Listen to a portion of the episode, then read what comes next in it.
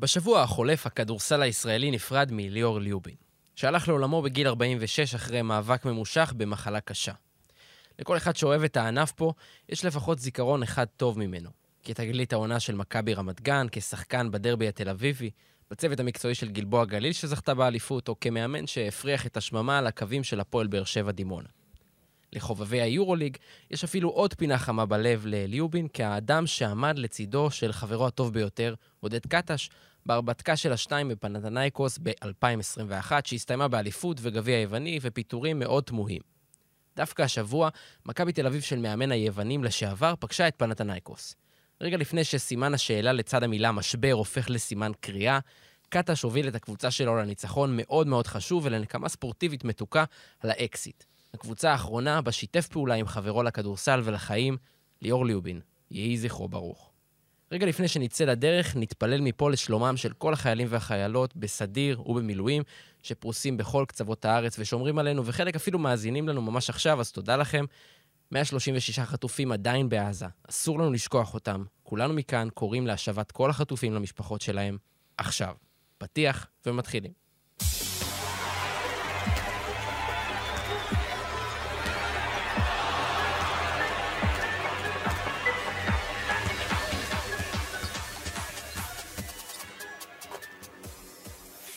פודקאסט יורוסטפ, פוד, פודקאסט היורוליג של ערוץ הספורט. שלום חברים, עמית ניר. שלום, שלום. עומר לוטם. שלום, שלום. ארד ירושלמי על העריכה וההפקה, אני אומר שהרבי כמעט קראתי לך שר שוהם, כי אני רגיל שאני מצביע לכיוון הזה. אני אף פעם לא אהיה שר שוהם. אתה על כיסאו, קשה מאוד. מכאן אה, נאחל אה, לחברנו, לשותפינו, החלמה מהירה, שר שוהם אה, שחווה איזושהי סיטואציה רפואית. אין לנו גג לשר. אין לנו גג. חשבתי על זה, בדרך כלל הוא פשוט, הוא זה שמגיע. שר שם. כן, זה מה שהרץ צועק לנו באוזן. איפה זה שם? אתם מבינים? זה כבר שאלה פילוסופית. כן. אה, וזה גם אה, לא כזה מצחיק כמו עמית אה, אה, אה. איזנטניר ועומר לא פה. עד שנמצא משהו אם, אה, יותר יורשה טוב, לי. אפשר אה, ללכת עם שר שם. יכול להיות שפשוט השם של שר שוהם מדבר בפני עצמו, והוא לא צריך גג, אתם מבינים? כאילו, אולי אתם צריכים והוא לא. אתם נכון, מבינים? אז יכול להיות. שכאילו זה... אז אנחנו מאחלים לך מכאן החלמה מהירה ואוהבים אותך ומחכים רק שתחזור. אבל עכשיו, אנחנו נפתח את הפרק הזה שמסכם שבוע באמת סוער בכדורסל האירופי, וכמו שאנחנו עושים את זה בכל פעם, אנחנו נלך על מצטיינים ומאכזבים, אנחנו נתחיל איתך, עמית. אז אני אלך, אה, כמו שאתה אוהב, אה, עם הפורמט, ואני אבחר נכון. הפעם במאמן. אין על הפורמט. אז אני הלכתי השבוע עם אה, אלכס מומברו, מאמנה של ולנסיה, שהאמת צריך להגיד, ולנסיה זו קבוצה שבתחילת העונה אף אחד לא חשב שהיא באמת תאיים על משהו, על פלייאוף, על פליי-אין. גם כשהיא התחילה טוב, היא התחילה ממש טוב, מי שזוכר, היו שם כל הניצחונות בהתחלה, עדיין אמרנו, בסדר, זה, הנה, היא קצת, היא, היא טובה הגנתית, אנחנו יודעים, אבל זה בבית, והיא... אז היא, באיזשהו שלב, היא כבר לא תהיה חלק מהמרוץ, ואנחנו כבר אחרי יותר משני שליש עונה, של עונה סדירה, והיא עדיין שם, והיא מאזן חיובי, והיא מנצחת ניצחונות הכי מרשימים שיש. השבוע, אנחנו נגיע לזה, אבל היא ניצחה ב-15 הפרש בבסקוניה, משחק חוץ. בסקוניה כלה 62 נקודות, שבסקוניה אנחנו כולנו יודעים שהיא אחת מקבוצות ההתקפה הטובות והמענות ביורוליג. ובגדול זה פשוט קבוצה שאתה מגיע מולה, ולדעתי אף קבוצה, כל הקבוצות הכי גדולות, הכי טובות התקפית, לא רוצות להגיע מולה, כי הן יודעות שהן יגיעו מולה, וכל מה שהן מכירות מול כל קבוצת יורוליג אחרת, פשוט לא הולך לקרות. כן. ומן הסתם, הקרדיט קודם כל לאיש על הקווים, שבאמת נותן שם עונה מצוינת. נראה שיש שילוב טוב בין השחקנים, יש אה, חדר הלבשה טוב, ומן הסתם, הדברים האלו באים מהמאמן. מאוד יהיה מעניין לראות אם היא איכשהו מסיימת ב- בפלייאוף, זה חתיכת סיפור. אה, עומר. אני בחרתי בפרי דוזייר ג'וניור, הלו הוא פי.ג'יי דוזייר, אה, הנהדר מפרטיזן בלגרד, שבמחזורים האחרונים פשוט מראה לנו שהאמונה של ז'ליקו אוברדוביץ' וההפיכה שלו באמת כרכז בקאדר של אה, פרטיזן בלגרד מוכיחה את עצמה. אה, מה שהוא עשה במחזור האחרון בניצחון על ג'לגיריס, 23 נקודות, 8 מ-10 ל-2, 2 מ-2 ל-3, 4 אסיסטים, 2 חטיפות. משחק מאוד מגוון, כל הקליעות שלו, בין אם זה שלושות במעבר, חצי מרחק אה, מכדרור, חדירות לטבעת, שולט בקצב המשחק, באמת, שחקן באמת ש, שמשתפר ככל שהעונה מתקדמת ומראה את האיכויות שלו. אה, וכמו שאמרתי בהתחלה, ז'ליקו אוברדוביץ' הפך אותו לרכז, מה שהוא לא עשה אף פעם בקריירה שלו, בטח לא ב-NBA, וז'ליקו תמיד צודק בסוף. תמיד צודק. אה, אז אחלה פי.ג'יי דוזייר, ואני חושב שברגעים שפאנטר, ואנחנו אולי נרחיב על זה בהמשך, שפאנטר קצת פחות טוב, במשחק הזה הוא היה קצת פחות טוב, תמיד טוב שיש את השחקן אה, מהצד שמרים את עצמו ועושה step up ליכולת, ודוזייר בהחלט הראה את זה. וזה גם קריטי במאבק על הפלייאוף, היא נמצאת באותו מקום של ולנסיה, החלק הבאמת באמת צפוף שכזה, בין הפלייאוף לפליי אין לבחוץ, אז זה מאוד מאוד חשוב. המצטיין שלי הפעם מוקדש לסער, שוב, זה לא צ'ימה, אפשר להירגע, אבל אה, זה גם שחקן שהוא אוהב, הוא גם בחר אותו בפנטזי כי אני לקחתי לו את מילוטינוב, וגם הוא הביע את אכזבתו ממנו כמה פעמים העונה, וזה כמובן ג'ונתן מוטלי הגדול, שהוא באמת גדול, הוא ענק, והוא הגיע לשבוע הזה גם בענק, עם 23 נקודות ו-11 ריבאונדים במדד 29 בניצחון על החבורה החבולה מארץ המגף. אה, וזו התצוגה השנייה הכי טובה שלו העונה. השנייה היא מעל 20 נקודות, או מעל 7 ריבאונדים, או מעל אה, מדד 20. ומול מי הייתה הפעם הקודמת? אתה מסתכל לי ב... מכבי תל אביב. לא, זה אני ראיתי, אני לא... וירטוס בולוניה. הימור כמו מלא מחזור- ביטחון. כמו במחזור הזה, גם מול וירטוס בולוניה. אה, טונה שר פעם, כנראה שיש משהו במים של פתח תקווה. אתמול שרתי את רוק 30 בבר מצווה. גם תמונה שר על פתח תקווה. כן, ברור, לא הוא רק גם? מפתח תקווה. אה, כן? אז אני שר, וואו, לא. אז אני אומר, אה, ג'ונתן מוטלי, כנראה שיש משהו בבולונז של בולוניה. ובנימה יותר רצינית, הוא עושה נקניקיות מ... וואו. וואי, וואי, מ- וואי, רעב. דנסטון הוותיק, לראות- שדנסטון לא קל לחגוג מולו בצבע. כן, וגם באמת לראות אותו, הוא באמת באמת שחקן גדול, את השילוב שלו עם ווילבקין במשחק האחרון, את כל ה... אנחנו עוד נדבר על זה ונגיע לזה בקטע המקצועי, אבל אה, אז במחזור העשירי, הוא היה מצוין נגד בולוניה, זה נגמר בהפסד. הפעם זה נגמר בניצחון, לא היה לה מענה, מענה אליו, ופנר משחקת כדורסל מצוין. היא עכשיו ניצחון, היא במרחק משחק מהמקום השני, ואם היא מגיעה לשלבי ההכרעה של העונה עם השחקן הזה, בנוסף לקו האחורי הנפלא שלה, זה כבר באמת באמת level אחר, קבוצה אחרת. ועוד מילה על מוטלי, כמו ששבוע שעבר אנחנו באמת דיברנו עליו ואמרנו כן. איזה טיפש הוא, הוא לא- משחק לא חכם. נכון. הוא באמת השחקן שעם ממוצע העבירות הכי גבוה ביורוליג, וזה מה שקורה כשהוא מצליח להימנע, ואם זה מצליח להתרכז נטו בפן ההתקפי, בלעשות את הדברים שהוא טוב, בלי עבירות תוקף מטומטמות, בלי פאק. אני עכשיו נזכר בטקסט. של סער עליו בשבוע שעבר, זה היה אבל כן, זה, וזה גם מה שסער אמר, זה מה שאנחנו אמרנו, שברגע שהוא לא עושה את השטויות שלו, כולנו יודעים מה הוא שווה. אז uh, במחזור הזה הוא הראה מה הוא שווה. Uh, יש עוד שחקן שהראה במחזור הזה מה הוא שווה, וכולנו יודעים מי הוא, ואנחנו תכף נגיע אליו, uh, ווייד בולדווין. אבל אני רוצה לפתוח בהגדרה, sense of urgency. uh, או בעברית, תחושת דחיפות. אתם יודעים מה זה אומר, תחושת דחיפות שאתם צריכים לעשות משהו, אז אתם משקיעים יותר בלעשות אותו. המובן הספורטיבי, אנחנו דיברנו עליו רבות בהקשר גם של מכבי תל אביב, גם של שאר קבוצות היבשת. ביום חמישי בצהריים, בעודו עמל על קטעי הוידאו שמקשטים את המסך באולפן הפרי-גיים של היורוליג, עוד- הסתובב עוד- אליי... עוד לפני, אני רוצה להקדים אותך, בארוחת הצהריים של יום אוקיי, חמישי. בארוחת הצהריים, הסתובב אליי עומר רותם ואמר לי, sense of energy, או, it's urgency. אין- הרסת הכל. עכשיו. sense of urgency, זה הכל, הקבוצה שצריכה יותר ורוצה יותר, תנצח, וזו מכבי תל אביב. ואני אומר, עומר לוטם הגדול, אם ה-sense פעם of ראשונה צדקתי urgency... בחיים. הימרת נכון, על מכבי. כן. ברור. אם זה היה בניחושים, אתה היית ב... כולנו. גם אתה הימרת מכבי, לא? נכון. כן. אה, אה, בעצם לא, אני לא בטוח. צריך לבדוק את זה. אוקיי. אבל אה, אם הסנס אוף ארג'נסי היה עובד גם בכדורגל הישראלי, אולי הפועל הייתה מנצחת דרבי. לא, צריך גם אה, לדעת לשחק. כי בסוף זה. טיפה גם היכולת. כן. זה לא שאמרתי קבוצת אה, ליגה ג' מנצחת קבוצת אה, יורו ליג, ובגלל הסנס אוף ארג'נסי. אז מכבי תל אביב הייתה צריכה במחזור הזה את הניצחון על פנתנייקוס, דיברנו על זה בפרק הקודם, כמה שהמשחק הזה חשוב, בטח ובטח כשמסתכלים על השבוע הבא, זאת אומרת הזה, שאנחנו עכשיו נדבר עליו, אז זה ניצחון מאוד מאוד חשוב, אה, 90-75, היא יוצאת מאיזה משבר שהיא נקלעה אליו, עם אה, ארבעה הפסדים אה, בחמישה משחקים בכל המסגרות, והיא עושה את זה עם תצוגה באמת באמת גדולה של אה, וייד בולדווין, שנבחר גם למצטיין המחזור. זה, זה היה באמת, אתה יודע, אומרים את זה המון תוך כדי עונת יורוליג, כי באמת כל משחק חשוב. אבל זה באמת, לדעתי, היה המשחק הכי חשוב של, של מכבי העונה. יש כזה... זה לא, זה- לא, זה באמת נכון. לא, בסוף זה ביורו... נכון. every game matters לא, בסוף. זה- כל משחק- כל אבל- משחק לי שהבא הוא זה המשחק אבל חשוב. זה בגלל שהם הגיעו במצב, באמת, במומנטום כל כך רע. אחרי גם שני הפסדים בליגה, כולל הפסד מביך, ו... ופשוט הייתה תחושה שאם את המשחק הזה הם מפסידים, בטח לפני שבוע כפול בספרד, בחוץ, ברור. אז זהו, הם עלולים כאילו למצוא את עצמם בעוד שבוע מחוץ לתמונת, מחוץ לתמונת הפליי אין. נכון, אז- חד משמעית. אז- אני לגמרי מסכים. אז um, מעבר לזה, ומעבר לזה שהם גם השיגו ניצחון במאבק הפנימי מול פנאתינייקוס בעקבות הניצחון הזה, צריך להגיד, מכבי תל אביב היה לה משחק טוב ונרד לפרטים, אבל מנגד, זה היה, עמדה מול הקבוצה שהיא הייתה חייבת לנצח בסיטואציה הנוכחית. כי פנתנאיקוס, נכון, אנחנו מדברים פעם אחר פעם, ושבוע שעבר אני בעצמי אמרתי, יש את השחקנים שלא ציפינו שיקחו אותה לאיפה שהיא נמצאת, והשחקנים האלו כן שיחקו.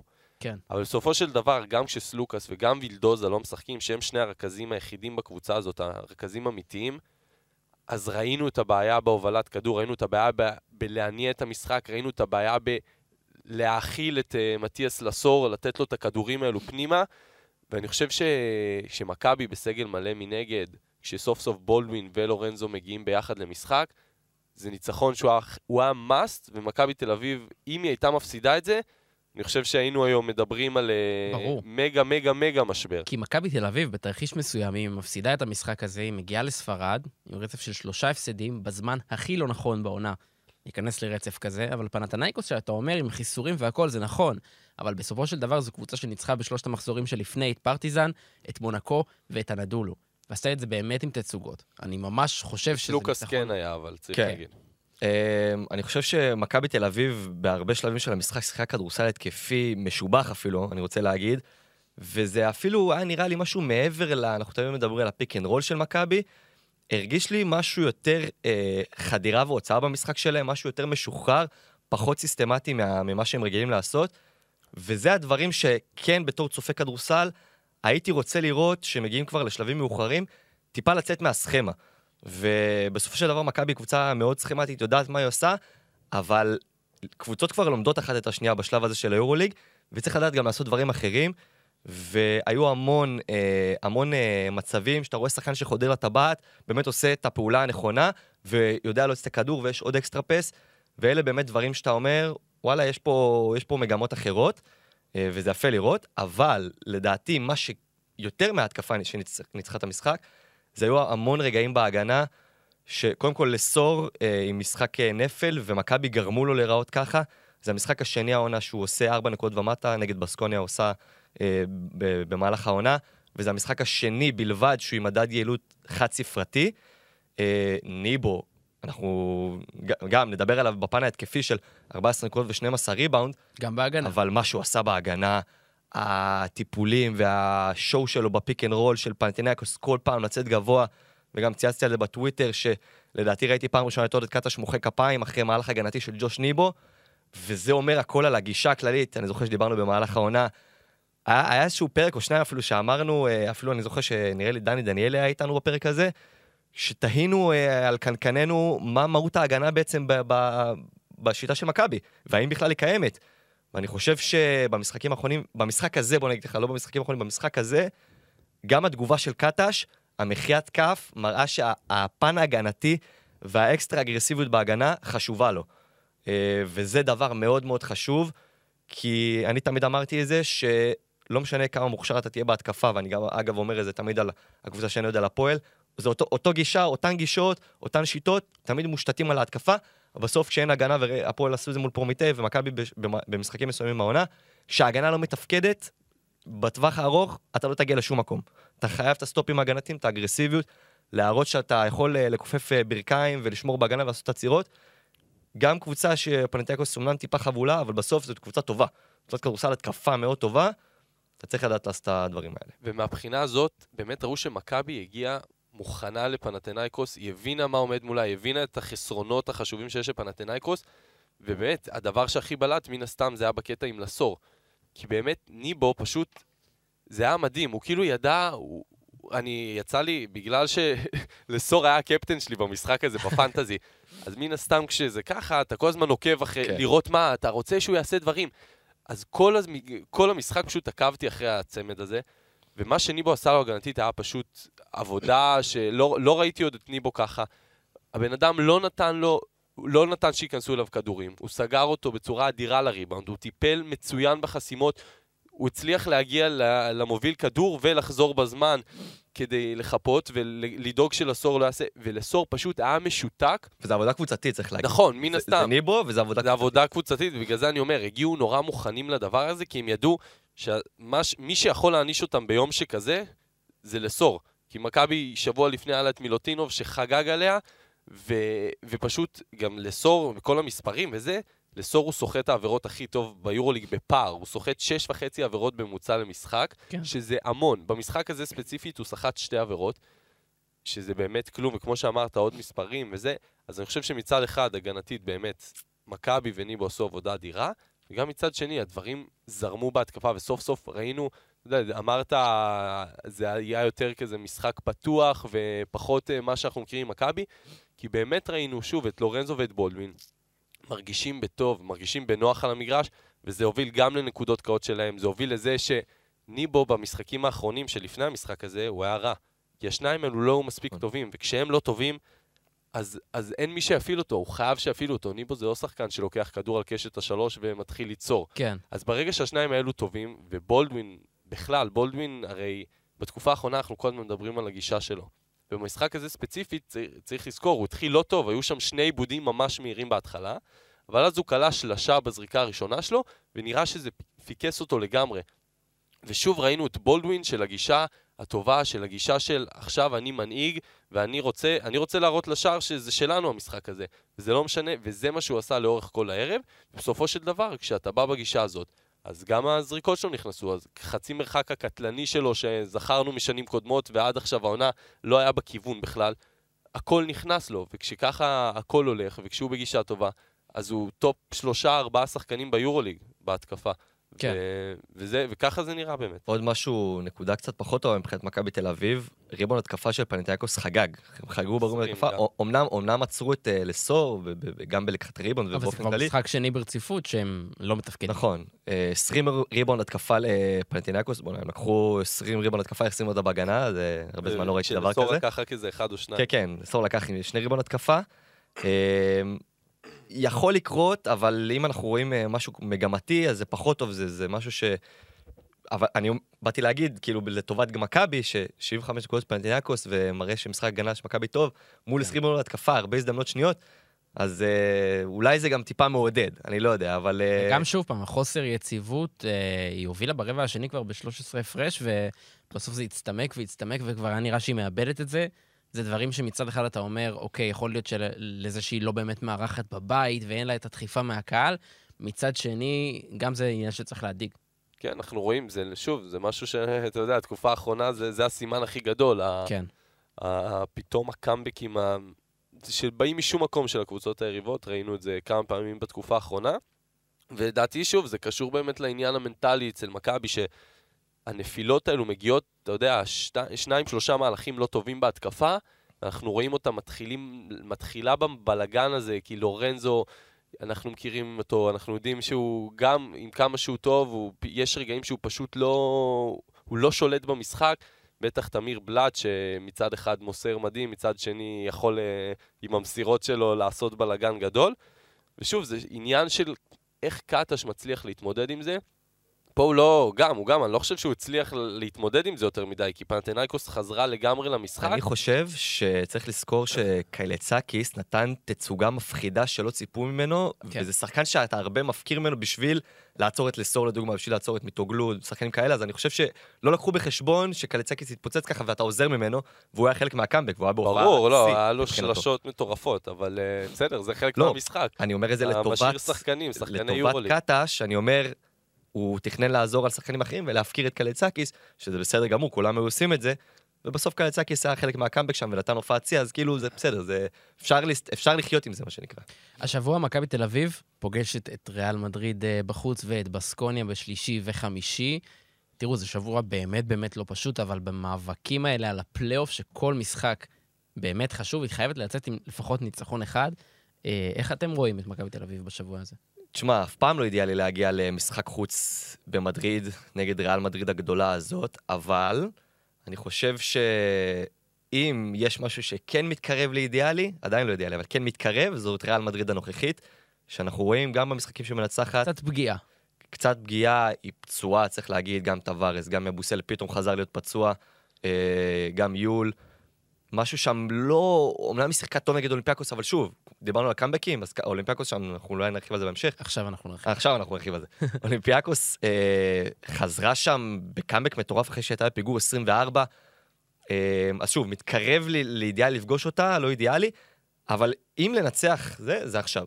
זה, אם לגנוב את המשחק הזה, זה עכשיו, ולא ריאל מדריד שלפני חודש, חודשיים, שלושה, בטח לא. אני מאמין אה, שהניצחון עלול לבוא מבסקוניה, כי גם כן. אותה אנחנו נדבר עליה. לא. ברור? אני לא, שוב, שלא יחשבו שעכשיו אני אומר מכבי פבוריטית. ברור כן. שהיא מו- מובהק אפילו, אבל אני אומר, אם לפגוש את ריאל מדריד הנוכחית, אז הנוכחית. לא, לגמרי, אני חושב שכן, ריאל בכושר יחסית לא טוב, אבל בבית שלה, שעדיין יש לה את הכלים כדי, אנחנו יודעים מה זה, אין טווארס, אנחנו יודעים מה זה פויריה, אנחנו, אוהדי מכבי זוכרים טוב מאוד מה פויריה מסוגל לעשות מולם. זה, כן, זה לא המשחק שממנו מכבי, אף אחד מצפה לצאת עם ניצחון. בסקוניה זה לגמרי צריכה להיות המטרה, וזה גם מאוד אפשרי. בסקוניה אנחנו רואים אותה מגמגמת, נכון, הרבה פעמים אנחנו אומרים, קבוצת התקפה נהדרת, אנחנו מכירים מה יש שם, אבל גם במשחק הקודם בין השתיים בבלגרד, ראינו בסקוניה קבוצה שלגמרי עצירה ואפשר להתמודד איתה. ההגנה למרות- שלה... כן. ההגנה שלה לא מספיק טובה, ומכבי יש לה התקפה, שוב, ברגע שהחבר'ה, שהחבר'ה הטובים, הכוכבים מגיעים, מכבי קבוצה טובה יותר מבסקוניה. נכון, בסקוניה קבוצה התקפית טובה, אבל הנה ראינו אותה השבוע מקבלת בראש בצורה קשה מוולנסיה. אה, מכבי זה לא ולנסיה הגנתית, אבל מכבי לגמרי, לדעתי, היא צריכה במדריד, אני מאמין שהמשחק ייגמר בשלב יחסית מוקדם. היא תוכל לתת קצת... אה, לנהל כבר את ה... תוכל להתחיל לנהל לקראת יומיים מאוחר יותר, ו- ואני מאמין, אני לפחות אלך עם מכבי במשחק הזה. ב- ב- בהימורים, כאילו, לדעתי, בסקוניה. נגד ריאל. ש- נגד אה, נגד בסקוניה. זהו, לא הבנתי. למרות שבסקוניה בבית ויש לה sense of urgency, אה, וזה חשוב, אז בואו נדבר על המחזור האחרון, בואו נפתח עם ריאל מדריד נגד אולימפיאקוס, זה קלאסיקה. אמרתי לך שאנחנו נרחיב על זה בהמשך. גמר הפיינל פור האחרון, אבל מאז הפיינל פור אה, הרבה השתנה פה. אה, ריאל מדריד בזמן הזה התחזקה באחד הרכזים הטובים באירופה, פתחה את העונה בטירוף, אולימפיאקוס, מהצד השני איבדה את ה-MVP של המפעל, שיצא לראות בשדות זרים, ופתחה הרבה יותר טוב, ה... הרבה פחות טוב את העונה. השבוע הם נפגשו, זה התחיל רע לאולימפיאקוס, אבל זה המשיך בשיפור ממש מפתיע, היא נתנה fight, הזכירה נשכחות, בסוף ריאל אה, מנצחת. משיגה ניצחון 20, אבל uh, היריבה הבאה של מכבי תל אביב, בואו נדבר גם על זה, זה באמת נראה שהיא פגיעה. כן, פגיעה, אבל באמת ראינו שם אה, מחצית וחצי, מחצית וקצת, באמת, מהמשובחות של ריאל. כן. הזכירה לנו אה, תחילת העונה, וג'אנל מוסה באחד מהמשחקים הטובים שלו, עם אה, 20 נקודות ואחוזים ממש טובים מהשדה, 4 מ-7 ל-2, 4 מ-7 ל-3. שוב, אמרנו בהיעדר- בהיעדרו של אה, טווארז, מרגיש שהם הם מחפשים פתרונות תוך כדי המשחק, כי טווארז זה המניה הבטוחה שלהם בצבע, לפעמים שולחים אותו ל post-up, לפעמים הם, הם מביאים אותו אה, לחסום, וזה זה כמעט בלתי עציר ב pick and roll שלו ושל אה, אה, קמפאסו, ומרגיש שהם באמת מחפשים אה, פתרונות אחרים, והרבה יותר משחק ריצה, הרבה יותר משחק שהוא אה, אה, מבחוץ, עם הארבע שהוא בדרך כלל קולע מבחוץ. אמנם גבריאל דק עכשיו חזר ונותן להם את הממד של הפיזיות בצבע אה, בעמדה ארבע, ופחות את הזוניה שם. אבל אני חושב שגם מוסה וגם גבריאל דק, גם הזוניה, זה שחקנים ש... שהם במשחק, שלושתם ביחד, אז אני, אני לא רואה את מכבי מתמודדת עם ה... אתה יודע, עם השלוש-ארבע האלה בסופו של דבר. אין לה באמת סטופרים הגנתיים בעמדות האלה, אה, ואני חושב שמכבי יצטרכו לשלוט בקצב המשחק מול ריאל מדריד, כי זו קבוצה שרק מריחה את, ה, את הקצב רץ, אז היא, אז היא שולטת אה, אה, ומנצחת בקלות. ובאמת המשחק שם אדיר. אולימפיאקוס מהצד השני, זהו, חשוב להגיד. חשוב להגיד שאולימפיאקוס שיחקה בלי מילוטינוב ופאל, אז בצד אחד לא היה טבארס, בצד השני שני זהו. הסנטרים, כן. שני הסנטרים שהם גם אולי שני השחקנים הכי משמעותיים בקבוצה הזאת, לא שיחקו, ככה ש... אז ש... מה ש... זה גם מה ש... מילוטינו ופצוע לחודשיים עכשיו. כן, משהו ארוך, והם החתימו את, אה, מוי- את אה, מוזס. מוזס רייט, right? נכון? וייט לדעתי, אני אבדוק את זה. מוזס אבל רייט לדעתי. זה הכישופים של דני דניאלי. כן, זה שהיה במרכז פנדי במקום אה. אותו, כן. שדני דניאלי מעלה, שימו לב. למישהו. אהבתי את הכישופים. כן. כן, האמת זה די מטורף, כי הוא הגיע למרכז פנדי לפני איזה, אני יודע, מתי הטורו עבר לאנדולו? לפני חודש, חודשיים? כן. שיחק שם שישה משחקים. וקפץ, ממש. אז, אה, אז מאולימפיאקוס, גם, הם היו מאוד חסרים, ומול ריאל לבוא חסרים זה, זה לא רעיון טוב. אבל מה שכן, בקאמבק שהם עשו, הם הרי בסופו של דבר באמת הצליחו לחזור למשחק, זה קרה עם small ball, מן הסתם לא היה להם הרבה ברירות, כי לא היה להם עוד סנטר אמיתי, פטרושב שיחק כסנטר, אבל מה שהם יכולים לקחת מהמשחק הזה, זה שסיקמה נתן יופי של משחק, הוא שיחק הרבה בחמש באמת, וגם, וככה הם הצליחו לחזור למשחק, זה היה המשחק הכי טוב שלו, העונה בפער אה, שלו, של פפניקולאו, שהשנה אנחנו קצת כזה נעלם לנו מהעין.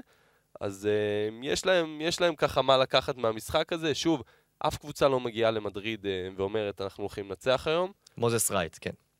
אף קבוצה לא אומרת, אנחנו בונים על הניצחון, אבל אני חושב שאולימפיאקוס כן יצאו עם uh, קצת uh, משהו מעודד מהמשחק פאפה הזה. ניקולאו נתן שם הצגה בחצי כן. השני, אני חושב שזה אחד, אולי הוא ומקיסיק, שני השחקנים המפוספסים שלהם העונה. 25 נקודות לפאפה ניקולאו עם 6 מ-8 ל-3. כן. אני חושב שגם אני מסתכל הרבה על המשחקים של אולימפיאקוס, ופאפה ניקולאו הוא, הוא, הוא תמיד, אה, הרי יש להם משחק של אה, צנועה וחיתוכים, תמיד הוא זה שחותך אה, מהחצי פינה לצד השני ואז ממשיך את ההתקפה, הוא תמיד זה שלא מקבל את הכדור בהתקפות, וגם כשהוא מקבל את הכדור הוא תמיד בעמדה של אני מוסר עכשיו. ואני חושב שזה פספוס מבחינתו, כי הוא כן מראה שהוא יכול לעשות הרבה יותר, ואנחנו יודעים גם מי זה פאפה ניקולאו מהעבר שלו. אז גם הוא וגם מקיסיק, שאני מרגיש שלאט לאט מתחיל כן יותר להיכנס לעניינים. אה, אולי גם לוק סיקמן גם נתן 10 נקודות במשחק הזה. הם, הם צריכים לקבל עכשיו אקסטרות מאנשים שלא לא הביאו עד עכשיו, כי זה יכול להסתבך. זה עלול להסתבך מבחינת אולימפיאקוס. אבל uh, לפחות הם ייקחו את הקאמבק שהם חזרו, כי לא כל קבוצה הייתה חוזרת, ואפילו הפער יכול להיות גדול יותר. כן. Uh, וזה ייאמר לזכותם. טוב, בואו נמשיך uh, לספרדית השנייה שנמצאת בצמרת, uh, בעונה ארוכה ומתישה. יש תקופות טובות יותר ויש תקופות פר... uh, טובות פחות. אז זו עכשיו תקופה פחות טובה להיות בברצלונה, אחרי שחטפה טרחה באיסטנבול מול הנדולו. היא קיוותה לנצח את מילאנו בחוץ, והיא לא עשתה את זה, ויש לה לוז uh, בעייתי. בהמשך אנחנו נגיע אליו, וברצלונה יכולה לסיים לצורך העניין את השבוע הבא, שהיא רחוקה אפילו מהמקום השני. כן, וזה היה המשחק, ה... מה ראינו פה התורן של השבוע ביורליר. כן. כי נגמר 74-70, אבל uh, כמו אולימפיאקוס ריאל, הייתה פה דריסה של מילאנו. מהרגע הראשון, זה, זה לגמרי היה שאלה. משהו שכן, מילאנו, אתה יודע, שבוע שעבר דיברנו ואמרנו שזו קבוצה, צריכים לנצח אותה בבית. יצאתם עליי. חובה לנצח אותה. יצאתם עליי. אני זה כן. אבל היא פשוט... האזנתי וחשתי... היא פשוט דרסה במחצית הראשונה. והאמת זה, זה קטע, כי זה הניצחון השני של מילאנו העונה על ברצלונה, אם אתם זוכרים את הניצחון האדיר שלה בחוץ, ניצחה כן. שם 90-86 לדעתי נגמר, ואמרנו, זו הייתה נקמה בשביל מירוטיץ', אז עכשיו הם השלימו נקמה כפולה. שמירוטיץ' צופה מהעצם. כן, ומן הסתם אה, שבון שילץ... שני המשחקים הסתיימו בהפרש של 4, 4 נקודות. אז שבון שילץ אנחנו מכירים אותו, אנחנו יודעים שכשהוא טוב אז, אה, והולך לו, אז פשוט קשה מאוד להתמודד עם השחקן הזה. פשוט פספוס. ה... מבאס, כי יש שם, כן, זה העניין, יש שם כל כך הרבה כישרון, ובגלל זה אנחנו מצליחים לראות את הקבוצה הזאת. עכשיו, בוא, בוא, בוא נדבר על זה רגע היפותטית. אם מירוטיץ' שם, הם... זה לא היה, זה לא היה, זה היה נראה יותר טוב לדעתכם? כן, או ש... כן, כן. גם בתחילת העונה צריך לזכור, הם כן היו, הם, הם היו ממוקמים קצת יותר גבוה. כן. עם מירוטיץ' זו קבוצה אחרת. שוב, זה לא, לדעתי, זה, גם עם מירוטיץ' זו לא קבוצה top 4, אבל זו לגמרי קבוצה שהייתה מתחרה על פלייאוף, ולדעתי היא כבר לא. השבוע בכלל, נראה שנפרדנו מלא מעט קבוצות ככה... עוד נגיע, כן. התחילו לנשור לנו, אז אה, מילאנו, למרות הניצחון, היא עדיין כזאת. מה שיפה זה, שוב, שאנחנו יודעים שלא משנה מה קורה שם התקפית, הגנתית, הקבוצה הזאת יודעת מה היא עושה, מסינה יודע מה הוא עושה, וזה גם מה שראינו מחצית ראשונה, יספוג 29 נקודות מברצלונה. ברצלונה נכון, בלי לפרוביטולה, אבל עדיין ראינו אותה ברצף משחקים לפני ההפסד הכואב בשבוע שעבר, ראינו אותה ברצף משחקים מאוד מרשים, גם כשלפרוביטולה לא שיחק. ואני חושב ששוב, מילאנו לגמרי הפספוס של השנה הזו ביורוליג. יש לי רק שאלה אחת שלא הצלחתי להבין לפני שאנחנו עוברים לדבר בכדורסל לברצלונה. מה זה הפיג'מות האלה שאנשי מילאנו לבשו, אה, אז אתם שמתם לב? מה, שהם באו עם... הם באו עם כן. אה, פיג'מה מבחינתי. יש לזה איזשהו הסבר, אני לא יודע, אבל... מישהו אה, כתב על זה. לא אם מישהו יודע, אם מישהו כתב, תקפיצו לנו את זה, כי אני פשוט ראיתי, אני רואה את גרימאו עם חליפה, לוחץ יד למסינה עם הפיג'מה הזאת, ואני... דווקא ברצלונה לא הייתה זו שקצת הייתה מנומנמת כן, זהו. עשו להם את האפקט ההפוך. אבל אמרת על ברצלונה בהובלה שלך, שהם פעם ככה, פעם ככה, וזה אומר עליה הכל. זאת קבוצה שאתה פותח את הטלוויזיה לראות משחק שלך, ואין אין לך באמת מושג מה תקבל. אבל זה צריך להגיד, אה, גם מתחילת העונה, גם כשהיא הייתה טובה, אז, אז עדיין אמרנו את זה, כי, כי זה לא היה משכנע עד הסוף כמו ריאל מדריד, נגיד. אבל פה זה כבר מתחיל. אבל למה להשוות. אותה לריאל מדריד? זה קצת מתבקש, כי שתיהן במקום הראשון ושתיהן, אתם יודעים, לא, כאילו... אבל כולנו אמרנו שריאל מדריד שבע רמות מעל הליגה. כן. אה, יפה, אז, אז אני חושב שהאי-יציבות שלה היא בעוכריה בעונה הזאת. ואני הייתי בין הסנגורים שלה, כשאתם אמרתם שגם כשהיא ניצחה, כדורסל שלה היה פחות משכנע, אבל אני כן הצלחתי לראות בה משהו אחר מקבוצ... אם אנחנו נשווה אותה לדוגמה לבולוניה. למרות שבולוניה בעצם זה לא דוגמה טובה. לא עדיין השוואה יש בה משהו אחר. לא כן. השוואה טובה. זהו, אה, שוב, יש משחקים שאתה כן אומר שיש בה משהו אחר. אז, אז זה נכון, במשחק הזה באמת זה היה קשה לצפייה אפילו ברגעים מסוימים. יאן וסלי היה אדיר בלי קשר ל- לכל מה שקרה שם. הוא הנקודת אור ה... זהו, הוא הנקודת האור של- של העונה. עונה. אה, 28 נקודות, באמת כאילו, משחק מפלצתי שלו בצבע. אבל באמת, כאילו, ברצלונה, אני עדיין חושב שהיא הפיבוריטית להיות במקום השני, לסיים את העונה הסדירה במקום השני, כי בסוף, כל היורוליג הזה הוא להציב, אנחנו רואים בולונה טיפה בירידה, וקבוצות מפסידות פה ושם גם משחקים שהם לא אמורות להפסיד, אז אני חושב שבסוף, אתה צ- צריך פשוט לשמור על היציבות, על היציבות, ולא לתת לכדור שלג פה להסתובב, אה, להתגלגל, אה, נסתובב. ל- להסתובב זה לא דוגמה טובה, להתגלגל. אה, וברצלונה באמת אה, צריכה לקחת את עצמה בידיים ולהראות שהיא היא מסוגלת. אז אני רוצה לאתגר אותך, כי בשבוע הקרוב ברצלונה עומדת לפגוש את וירטוס בולוני ביום שלישי, בבית. בבית, ואת הכוכב האדום ביום חמישי בחוץ. אחר וואו. כך יש לה את אלבה ברלין, שזה נחמד מאוד, אתגרים. אבל אחר כך את מונקו בבית, את ולנסיה בחוץ, ואת פרטיזן. בחוץ, אה, בבית, סליחה, אבל, אבל עדיין זה, זה לא לוז פשוט. זאת אומרת, ברצלונה מהדבר הזה יכולה להיכנס פה לקלחת של המקומות שהיא פחות רוצה להגיע אליהם העונה, כן, היא כבר עכשיו, אה, מה, היא, היא אותו מאזן כמו וירטוס. כמו וירטוס. מקום חמישי, מ- מרחק אה, ניצחון ממנה, זה אומר שהיא יכולה לאבד ביתיות תוך שבוע. כן. עוד, אה, רק אני רוצה נגיעה על מילאנו, שחקן יחסית חדש, רודני מקרודר, נתן אה, איזה שם הופעה... יש לו, יש לו כן, של- שם מגניב מאוד. שם של נתן מנה הופ- ממקדונלדס. נתן הופעה חביבה מאוד של 11 נקודות, ויהיה מעניין לשים עליו עין, אולי הוא ייתן להם עוד איזשהו ייצור בקו האחורי, וזה מעניין מאוד. בואו נדבר על הקבוצה שמחזיקה באותו המאזן אה, של ברצלונה, וגם היא קצת אה, מג'עג'עת אה, בתקופה האחרונה הזו, וירטוס בולנה שפגשה את פנרבכצ'ה במפגש צמרת פר אקסלנס, וזה נגמר בניצחון של פנרבכצ'ה 88-75. אני חושב שפנר אפילו, אפילו יותר לכיוון של המקום השני מברצלונה וגם מווירטוס. אה, יכול להיות, שוב, אני חושב שבולוניה, אנחנו לא יכולים לקחת אותה ברצינות כשהיא משחקת, אה, קודם כל היא בתקופה רעה, נכון? מאוד מאוד קשה לה. המקום כן. שלה משק, משקר אה, בטבלה, כאילו, היא לא באמת קבוצה היא- ברמה, שוב, היא הייתה. כן. עכשיו הרמה שלה זה קבוצה שהיא אפילו לא קבוצת play-in, אבל בגלל שגם טוקו שנגליה לא משחק, ובלי טוקו שנגליה, אתה מדבר על המשחק מול ברצלונה, כרגע לא, אני לא ראיתי שום דבר שאומר אם הוא הולך לחזור או לא. אם הוא לא יחזור, אז אה, לדעתי לא יהיה פה משחק שוויוני, בטח מהמם. שזה קורה בספרד. אז כן, פנר גם, מבחינת פנר צריך לזכור, היא חטפה טרחה רצינית בקובנה במחזור שלפני, אז זו הייתה הזדמנות מצוינת לחזור לעניינים בבית מול קבוצה באמת מאוד פגועה, ובסופו של דבר, גם באמת בולוניה לא, לא, לא מספיק טובה בתקופה הזאת, אבל כשיש לך, שוב, מי, מי מכם שדיבר על מוטלי, אה, הוא היה במשחק פשוט מדהים, ווילבקין גם סוף סוף כזה, אנחנו רואים אותו בתקופה קצת יותר יציבה, אנחנו רואים אותו ומינואה. מצליח לקחת, ואמינו אמינו אז כן, זה הסיפור, איזה ש... סיפור. הסיפור של המשחק הזה כמובן, כי זה משחק הבכורה שלו אחרי שהתחיל את העונה בחולון, עבר לאיטליה, שם הוא בכלל לא הצליח להרשים, עכשיו בעיית פורוורדים רצינית, פציעות וזה, הביאו מה אותו, זה בעד פורדים? זה הייתה אין, לה. אין להם אף אחד. זה פשוט מטורף, המשק אה, כנפי הפרפר הזה. פשוט הכל, מוביל לכל השינויים האלה. והכל פשוט התחבר, זה היה...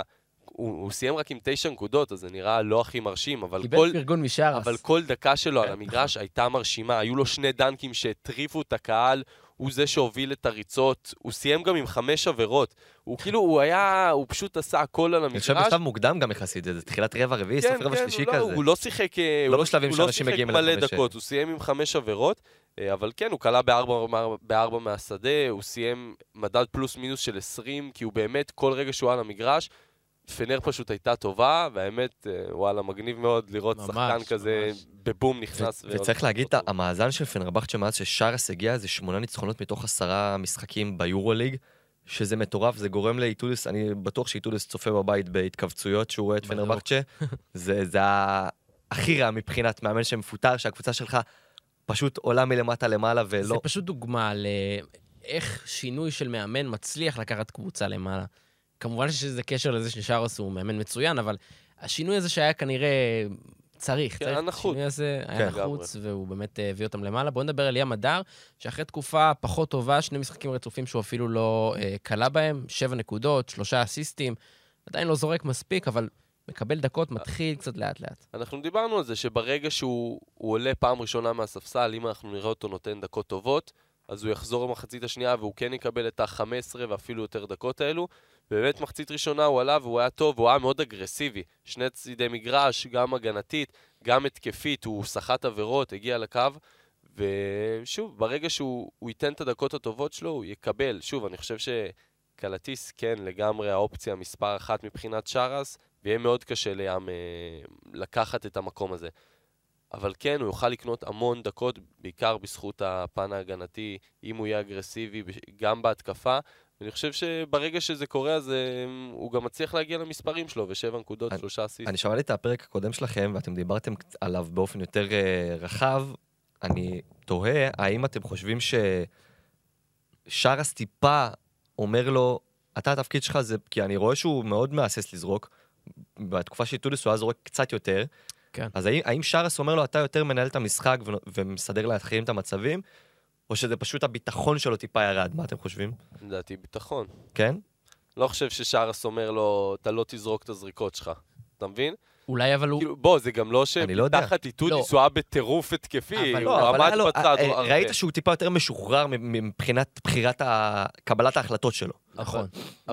תחת איטודיס, נראה לי שהוא באמת, כמו שאתה אומר, הוא היה יותר משוחרר. שאראס מחזיק אותו כנראה הרבה יותר קצר, ועם האצבע הרבה יותר על הדופק בכל פעם שהוא עולה לזריקות, אז, אז הביטחון ככה נפגע, וזה ביצ- ביצה ותרנגולת. אני גם חושב שזה קשור באמת לקטע של הניהול משחק, כי תחת איטודיס אנחנו ראינו הרבה בלאגן של רכזים שונים, וגם כש... כאילו, הוא שיחק הרבה פעמים בלי רכז, וגם שים הדר היה על המגרש, ווילבקין היה זה שמוביל את הכדור, ים היה מתחיל את ההתקפה בדרך כלל בפינה, והפעם זה נראה שבאמת הוא הרבה יותר... זה מה שהוא עושה, הוא באמת מתחיל את ההתקפה עם הכדור ביד, ומנהל אותה, ומנסה למצוא שחקנים. אז נראה לי שזה גם קשור לזה, שאם אתה רואה טיפה פחות זריקות שלו, כי באמת הוא מנסה להפעיל יותר את האחרים. תזכרו את מה שאני אומר יום שלישי הקרוב, וילרבן נגד פנרבכצ'ה, ישראלי אחד, הלוואי באיזה דאבל אה, פיגר. ועוד ישראלי אחד אני רוצה להזכיר, מי הולך לשדר את המשחק הזה? מי? דורון אילת. או, בסולו, וילרבן פנרבכצ'ה, תצפו. כל כך... אחלה, אה, אחלה אחלה של. שדר, כן, משחק כל ישראלי. אמרתי ל- אמרתי לו שיקווה אולי לאיזה בלואאוט, ואז אולי אה, נועם יעקב נגד אה, ים הדר, כי זה נראה לי הסיכוי היחידי ל... זה יכול להיות מאוד מאוד... נראה לי. שנועם אה, הם יעקב- ישחקו אחד מול השני. נועם יעקב משחק קבוע כן, כרכז אבל אני אומר- שני, הוא רכז שני. כן, אתה אומר, אתה רוצה לראות אותם מתפרעים? כן, כאילו. שיהיה איזה 20-25 דקות שניהם כזה... בסדר, תן לחלום. עוד משחק גדול שהיה לנו במחזור האחרון, זה מונקו, שפגשה את אה, הנדולו אפס בחוץ, וזה באמת משחק שנמשך עד הסוף. בסופו של דבר מונקו אה, מנצח את המשחק.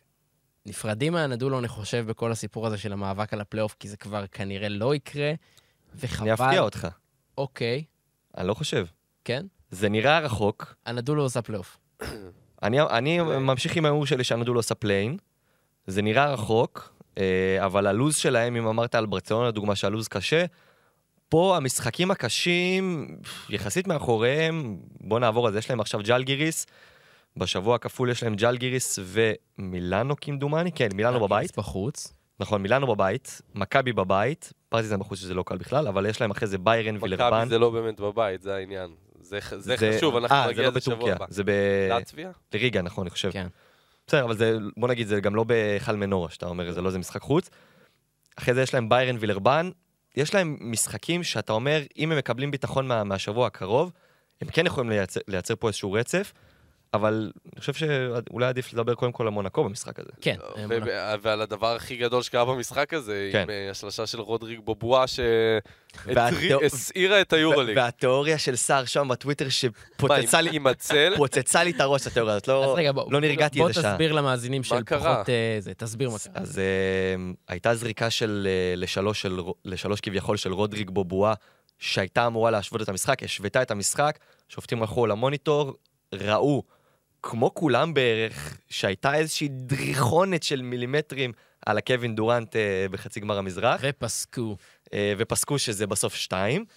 אחרי המשחק, הנדולו כמובן אה, הפסידו למונקו, אם, זה, אם השלושה הייתה, כאילו אם זה היה נחשב לשלושה, כנראה שהיינו הולכים להערכה. אחרי המשחק שר שוהם מעלה ציוץ לטוויטר עם תיאוריה שבאמת פוצצה לי את הראש, שזה הצל של הנעל של רודריג בובואה שנראית כדריכה על הקו.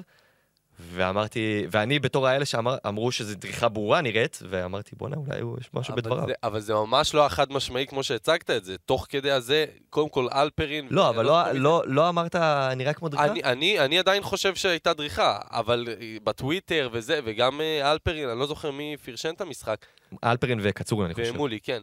בקיצור, אז הם, הם אמרו, אנחנו חושבים שזה לא חד משמעי, הם לא צריכים לשנות, ו... כי אני- באמת זה היה מאוד מאוד גבולי, ומה כן. שאומרים זה שאם אתה לא בטוח ב-100%, אז- אז אתה לא תשנה. משנה את ההחלטה. אבל אני מאמין שהם היו בטוחים ב-100%. אז בדיוק, אז ש... אז, אני- אז שוב, אני גם, אני חושב שהייתה נגיעה קטנה. אני עם שר שום ומחנה הקונספירציה. לא, זה... גם זה- לא באמת נחתנו בחלל, זה- באמת- זה גם אי אפשר קונספירציה. באמת לראות את זה, זה לא, הזוויות שהיו לנו, זה מוגבלות, הזוויות כן. הכי טובות, אתה לא באמת יכול לראות ולדעת את הדבר הזה, ובגלל זה זה כל כך נורא עבור הנדולו, כי אני מסכים איתך, הסיכוי שלהם להיות עכשיו בפלייאוף הוא כמעט אפסי לדעתי. תם, אנחנו- תם אנחנו. לא נראה אותם עכשיו מנצחים, הטקס אה, סתם, הטקס סתם. מנצחים עכשיו אה, את כל המשחקים שלהם. אבל, אה, וזו החלטה שיכולה, כאילו, יכול להיות ששינתה את העונה מבחינתם, וזה מונקו- מבאס, כי הם הצליחו באמת לחזור זה- למשחק. כן. עם לארקין, זה היה אמור להיות משחק של לארקין מול מייק ג'יימס. זה היה גם בהתחלה. בהתחלה לארקין לא... לא, אני לא מבחינת לארקין היה שם, היה לו איזה שתי חטיפות למייק ג'יימס, ג'יימס לעלות לסל, פתאום... אה, זה היה, וואו, זה היה מגניב. אתה כן, מבין, הוא לא אני ש- מתכוון, שראית שלארקין נותן פייט הגנתי אפילו למייק אבל זה ג'יימס. התפתח להיות משהו אחר לגמרי, כן. כי מייק ג'יימס היה שקט, לארקין בכלל היה שקט עד הרבע האחרון, עד שפתאום הוא כן. בא עם עשר נקודות רצופות כמו שהוא יודע, אבל זה עדיין, זה היה משחק אדיר, זה היה משחק מצוין, ראינו באמת מלחמה ומשחק צמוד, וראינו ג'ורדן לויד, שאנחנו כל פעם מדברים על כמה שהוא חשוב למונקו, שנתן אחלה של דקות, ודיאלו, אה, ומצד שני, שוב, אלייז'ה בריאנט ואלי אוקובו ובובואה. גם היה מעולה. נכון, אלי אוקובו גם ברבע האחרון, שחקן היו לו המשחק כמה אפילו, לדעתי. טובים.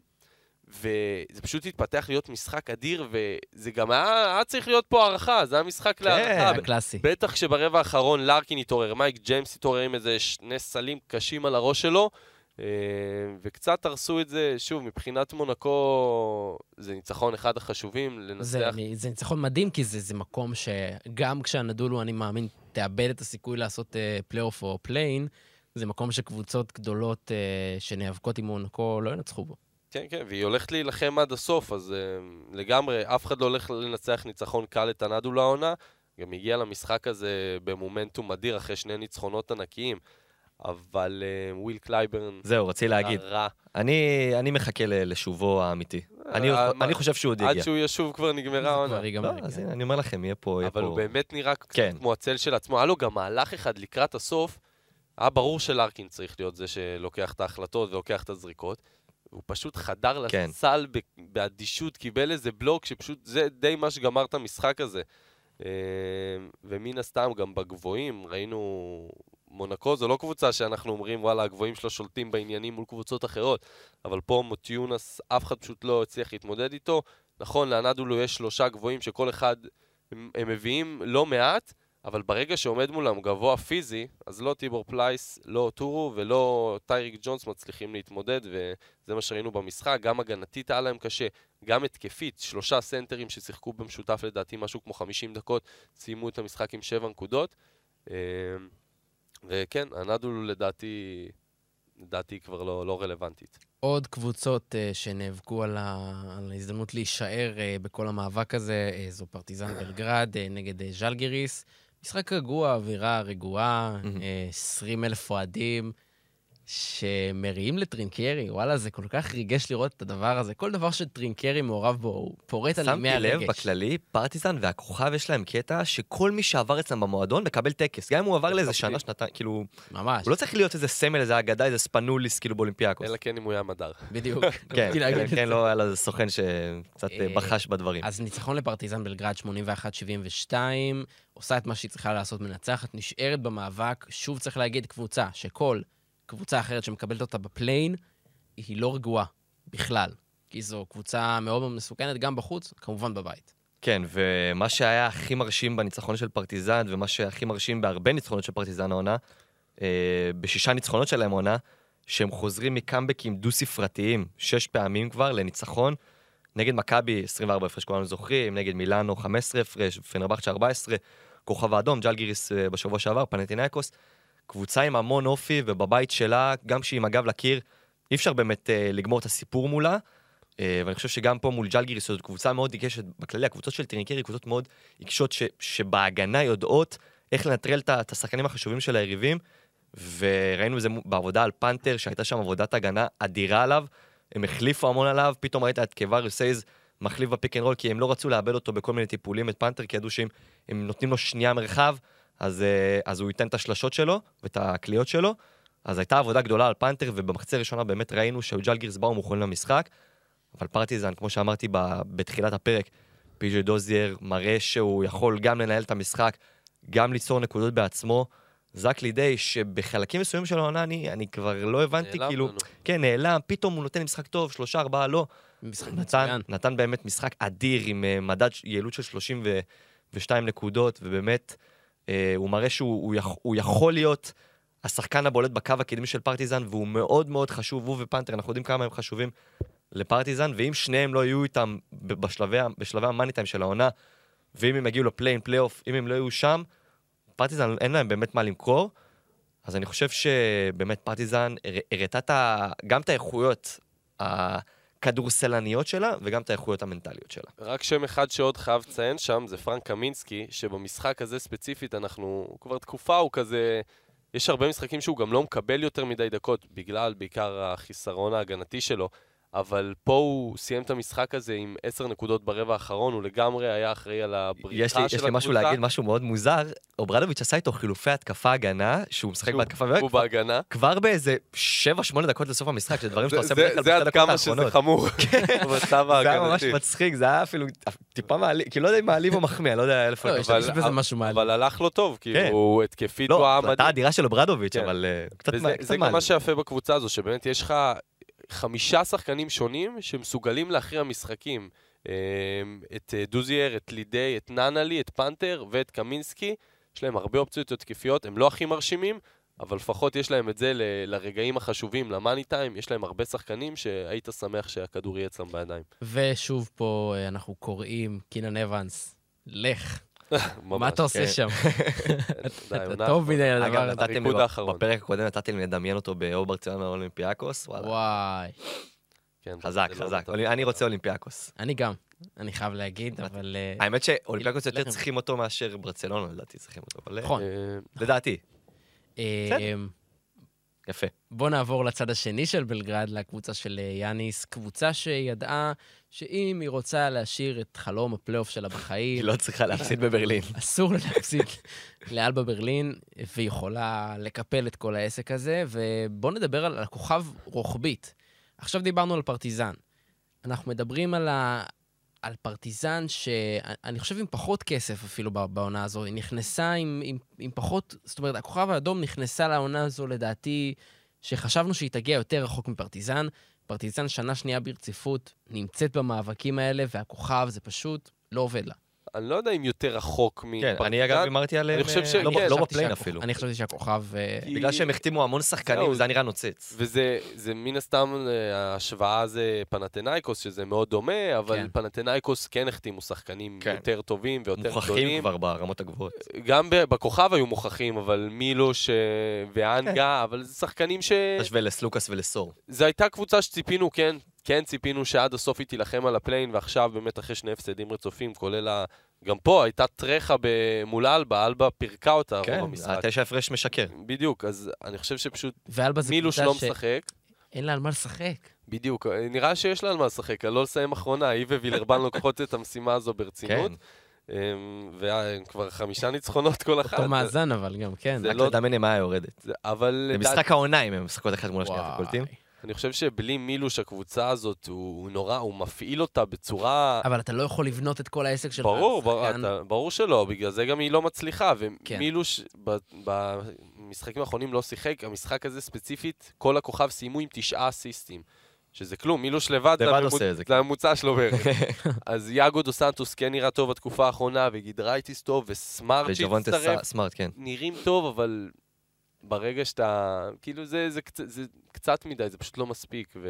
כן. וככה זה הסתיים, עוד, עוד ריצה שהסתיימה מוקדם מדי. כן. אה, בואו נעבור על קבוצות, אה, שתי קבוצות שרוצות להישאר במאבק. זה הקרב הספרדי היותר לואו-קי של היורוליג. בסקוניה נגד ולנסיה. אחלה קרב, נוקאוט לוולנסיה. אתה בחרת קודם את אה, אלכס מומברו כמצטיין שלך ושברת את חוקי הפורמט, אז בוא תתחיל. תשמע, מה יש להגיד? זה פשוט עוד אחד, האמת, היו פה מלא משחקים חד צדדיים זה ממש, במחזור אבל- הזה. זה, כן. זה באמת אולי אחד המפתיעים. כן, זה לא, לא משהו שאנחנו רגילים, ושוב, ולנסיה מראה שאין לה שום כוונה ללכת לשום מקום, לא משנה כמה נזלזל. ג'לגיריס של לא. העונה הקודמת. מטורף, היא פשוט מתכוונת להיות פה עד הסוף, ובסופו של דבר היא גם איכשהו תשתחל. אה, וגם צריך להגיד, זה היה, הם שתיהן עכשיו עומדות על אותו מאזן. במשחק הראשון, ולנסיה הפסידה בבית לבסקוניה נכון. ב-14 נקודות. וואי. וניצחה עכשיו ב-15. עכשיו ניצחה ב-15, על שאגב- אותו מאזן, הם עלולות, כאילו, סיכוי טוב שהם יסיימו 10-1.